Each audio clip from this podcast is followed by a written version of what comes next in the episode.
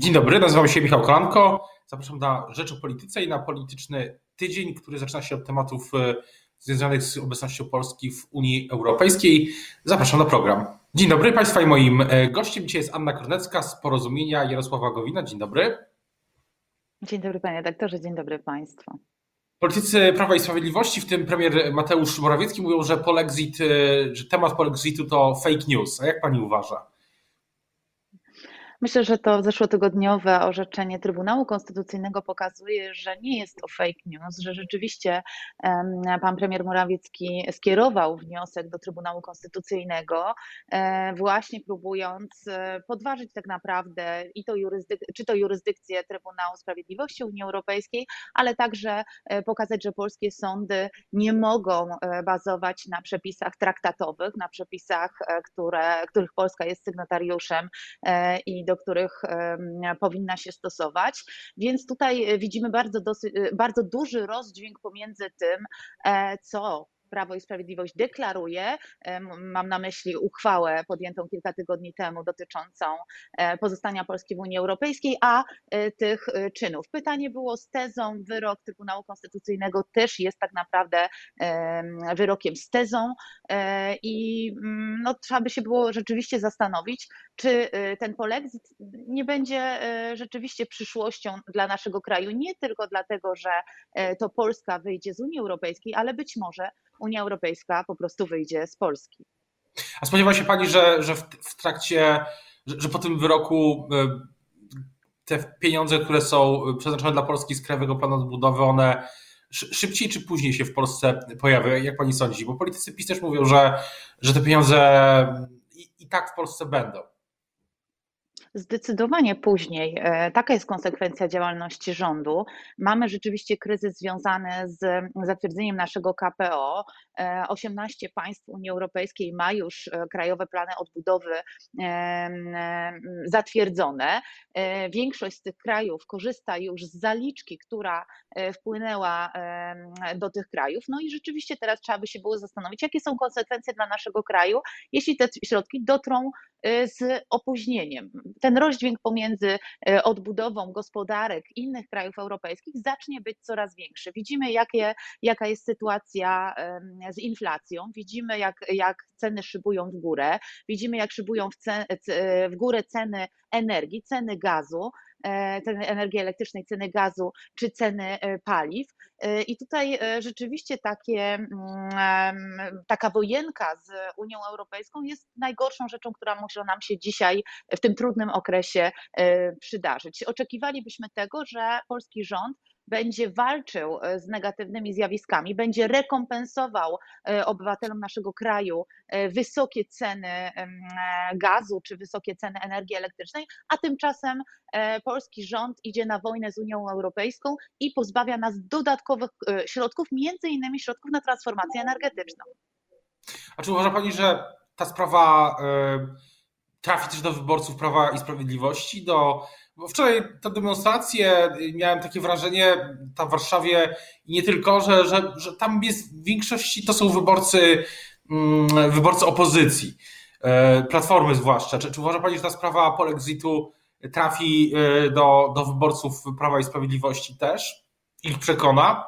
Pewnie, Pewnie nie od razu. E, pewnie będzie potrzeba jakiegoś czasu, zanim zrozumieją, jaka jest sytuacja, zrozumieją, e, jak e, mało pieniędzy mają w portfelach. Natomiast dzisiaj Prawo i Sprawiedliwość mówi do swoich wyborców: to wszystko wina Unii Europejskiej. Wysokie ceny, drożyzna to wina Unii Europejskiej, ale to nie jest prawda ceny u nas i poziom inflacji u nas w Polsce jest dużo wyższy niż w innych krajach Unii Europejskiej i w momencie, kiedy ci wyborcy PiSu zobaczą, że w ich portfelach jest znacznie mniej pieniędzy, że e, te koszty, korzyści, które obiecuje rząd, są pożerane przez drożyznę, przez inflację, przez rachunki za prąd czy za gaz, być może zorientują się, że mm, e, te manifestacje, te protesty mają swoje uzasadnienie. Polska obecność w Unii Europejskiej mm, jest e, ze wszechmiar korzystna. Każdy, kto pamięta czasy sprzed wejścia Polski do Unii Europejskiej, wie, że to był czas zdecydowanie trudniejszy, smutniejszy dla Polaków w Europie. Tu mam na myśli prowadzenie biznesu, mam na myśli podróżowanie i rzeczywiście nikt z nas dzisiaj nie wyobraża sobie Polski poza Unią Europejską.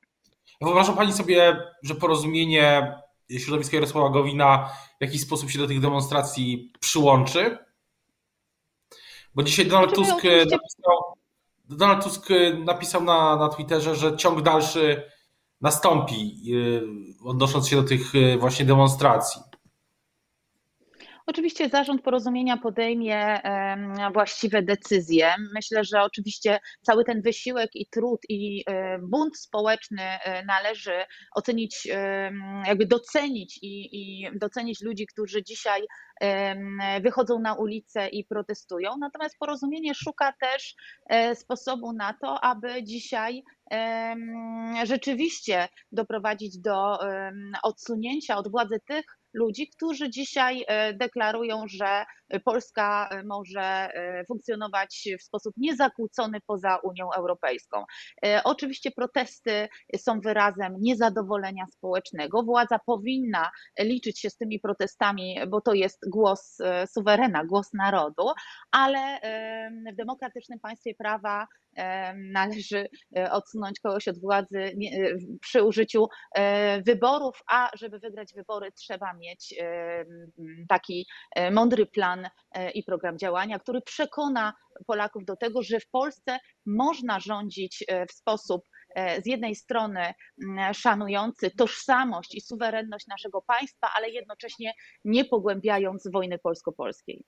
Asia, pytanie, czy pamiętam kilka miesięcy temu Jarosław, wtedy jeszcze wicepremier Jarosław Gowin mówił na takim kongresie, na zjeździe partii porozumienie o, o, tym, o nowej centroprawicy, o odbudowie centroprawicy, która musi się jakoś yy, określić na nowo już po, po tych kolejnych y, falach pandemii koronawirusa, po tym i po tych zmianach, które też koronawirus wywołał. Pani, czy uważa Pani, że ten obecny klimat polityczny w Polsce, gdzie z jednej strony yy, są te wszystkie procesy, o których też, też piszemy w Rzeczpospolitej, ale też z drugiej sondaże pokazują, że że PiS nadal ma 35, 37 czasami procent. Czy, czy, czy jest, jest w ogóle, są wyborcy tej nowej centroprawicy?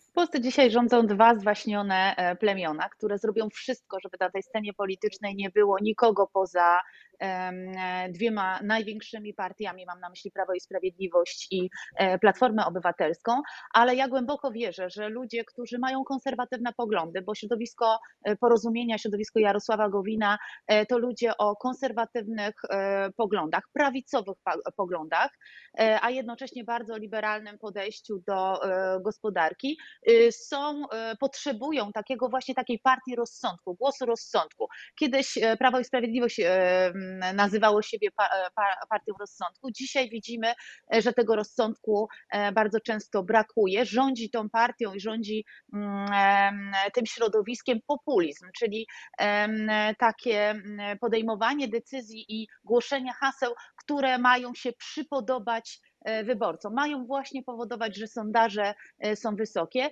ale gdzieś pod tą warstwą polityczną, pod tą warstwą sondaży jest jeszcze sytuacja nasza społeczno-gospodarcza. I ta sytuacja wymaga tutaj zdecydowanie jakiegoś mądrego e, planu działania, nie takiego działania właśnie pod publikę populistycznego, tylko ratującego tak naprawdę dzisiaj naszą gospodarkę przed katastrofą, którą może być recesja wywołana pandemią, bo te skutki negatywne pandemii tak naprawdę ujawnią się dopiero e, w przyszłym roku, na przełomie tego roku i w przyszłym roku. Ale też pytanie jest, e, na ile, e, mówi Pani o recesji, ale te prognozy, prognozy, które prezentuje rząd, też Komisja Europejska są całkiem pozytywne w tej Oczywiście, chwili. Oczywiście, że tak, ale ale wszystko zakłada, że ta sytuacja nie ulegnie gwałtownej zmianie, natomiast ona w tym momencie ulega gwałtownej zmianie i trzeba reagować. Tak jak apelowaliśmy przez kilka miesięcy, aby Rada Polityki Pieniężnej podjęła działania y, zmierzające do podniesienia, delikatnego podniesienia stóp procentowych, po to, żeby troszeczkę y, schłodzić konsumpcję, schłodzić rynek i za, zahamować galopującą dzisiaj inflację, tak trzeba podejmować takie działania. Działania o charakterze stricte gospodarczym, żeby ten, ta dobra sytuacja naszej gospodarki nie odmieniła się w niedługim czasie na sytuację mm, dość tragiczną. Wszyscy widzimy, że dosypywanie pieniędzy do systemu, takie, które było poniekąd bardzo uzasadnione, czyli e, mam na myśli tarcze antykryzysowe w czasie pandemii, ale także bardzo dużo e, takich socjalnych programów tego rządu powoduje e, zjawisko, które nazywamy nadpodażą pieniądza w gospodarce i w związku z tym napędza inflację i może spowodować, że ta sytuacja gospodarcza przestanie być optymistyczna jak do tej pory. Trzeba myśleć długofalowo. Co do, zwracam na chwilę jeszcze do polityki, a czy, czy uważa Pani, że ten wniosek y, Polskiego Stronnictwa Ludowego, czy porozumienie poprze ten wniosek Polskiego Stronnictwa Ludowego o skrócenie kadencji mm, Sejmu? Oczywiście zakładając, że w ogóle będzie głosowany, co też jest, y, to jest osobne, osobne pytanie, ale czy jeśli, jeśli będzie głosowany, to czy porozumienie ten wniosek poprze? To jest dobry pomysł, żeby zrobić wybory y, wiosną?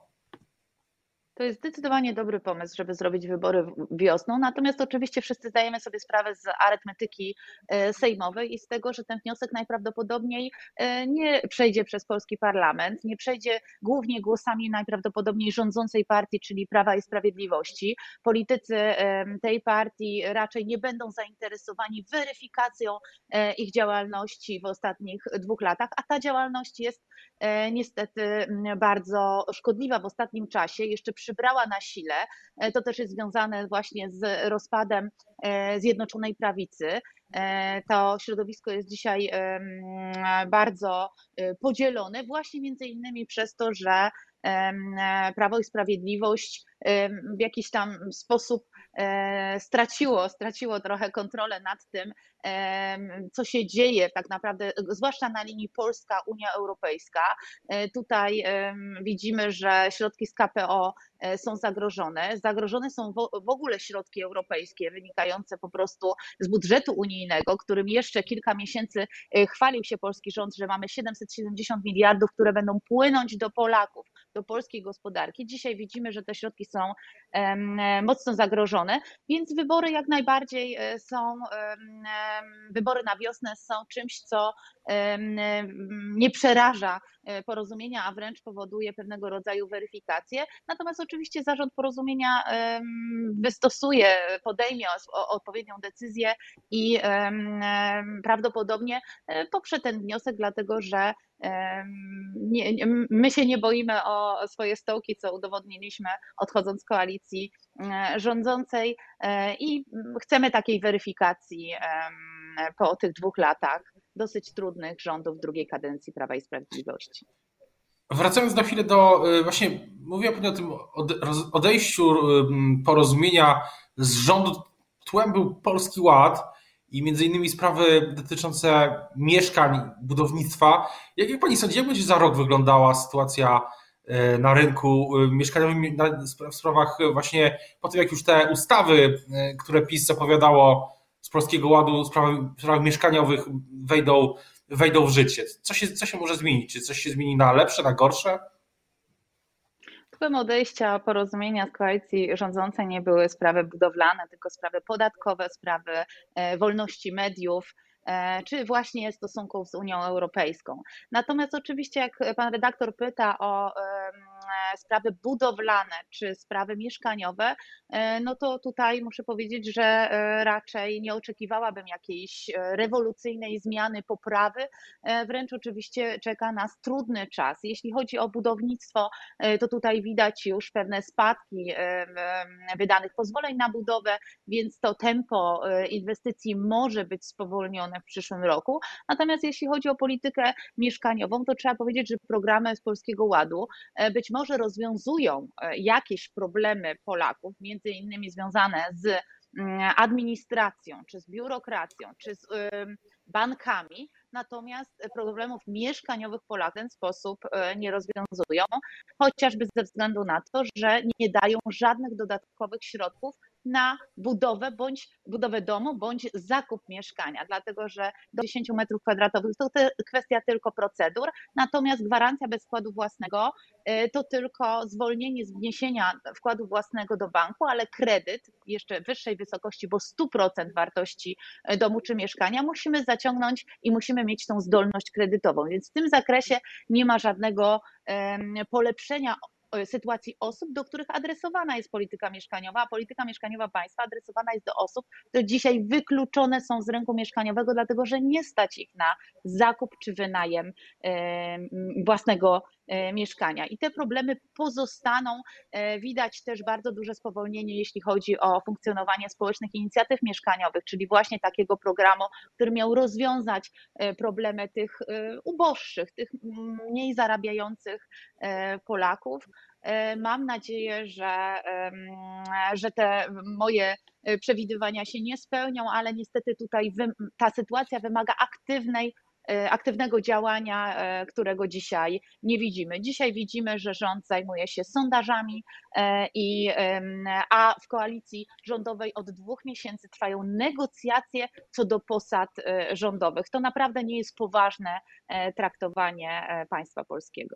Ale zostając jeszcze w sferze mieszkaniowej, czy sądzi Pani, że za rok na przykład coś się zmieni, jeśli chodzi o rynek mieszkaniowy, jeśli chodzi o ceny mieszkań na przykład, one w wielu miastach w Polsce bardzo szybko te ceny idą e, w górę i wiele tych negatywnych zjawisk e, no jest opisywanych, jeśli chodzi o rozwój mieszkalnictwa, jest opisywanych w mediach, mediach społecznościowych, ale wydaje się, że, że ten e, wzrost cen jest, no, trwa, trwa od, od, wielu miesięcy, jeśli, jeśli nie lat. No i pytanie, czy, czy za rok, czy widzi Pani coś na horyzoncie, co może ten wzrost zahamować? Albo coś, co rząd powinien zrobić, żeby, żeby ten wzrost zahamować?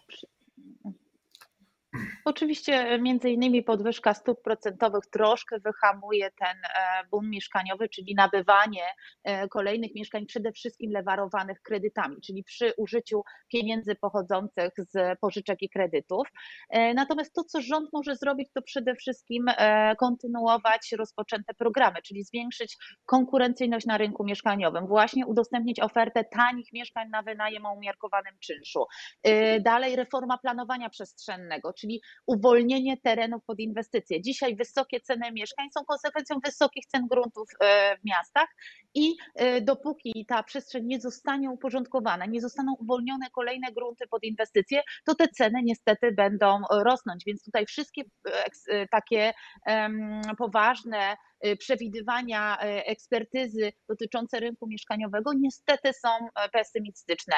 Ceny będą e, prawdopodobnie e, rosnąć do pewnego momentu. Wszyscy zdajemy sobie sprawę, że może, możemy mieć do czynienia z tak zwaną bańką na rynku mieszkaniowym, ale nikt nie wie tak naprawdę, kiedy ta bańka pęknie i wszystkie prognozy wskazują na to, że ceny mieszkań e, raczej nie będą e, spadać. O tym, co dalej na rynku mieszkaniowym i oczywiście w polityce, będziemy do tego wielokrotnie jeszcze pewnie wracać. Teraz bardzo już dziękuję za rozmowę Państwa i moim gościem dzisiaj była Anna Kornecka z Porozumienia Jarosława Gowina. Dziękuję bardzo, dobrego dnia, dobrego tygodnia. Dziękuję bardzo, miłego dnia. Dziękuję.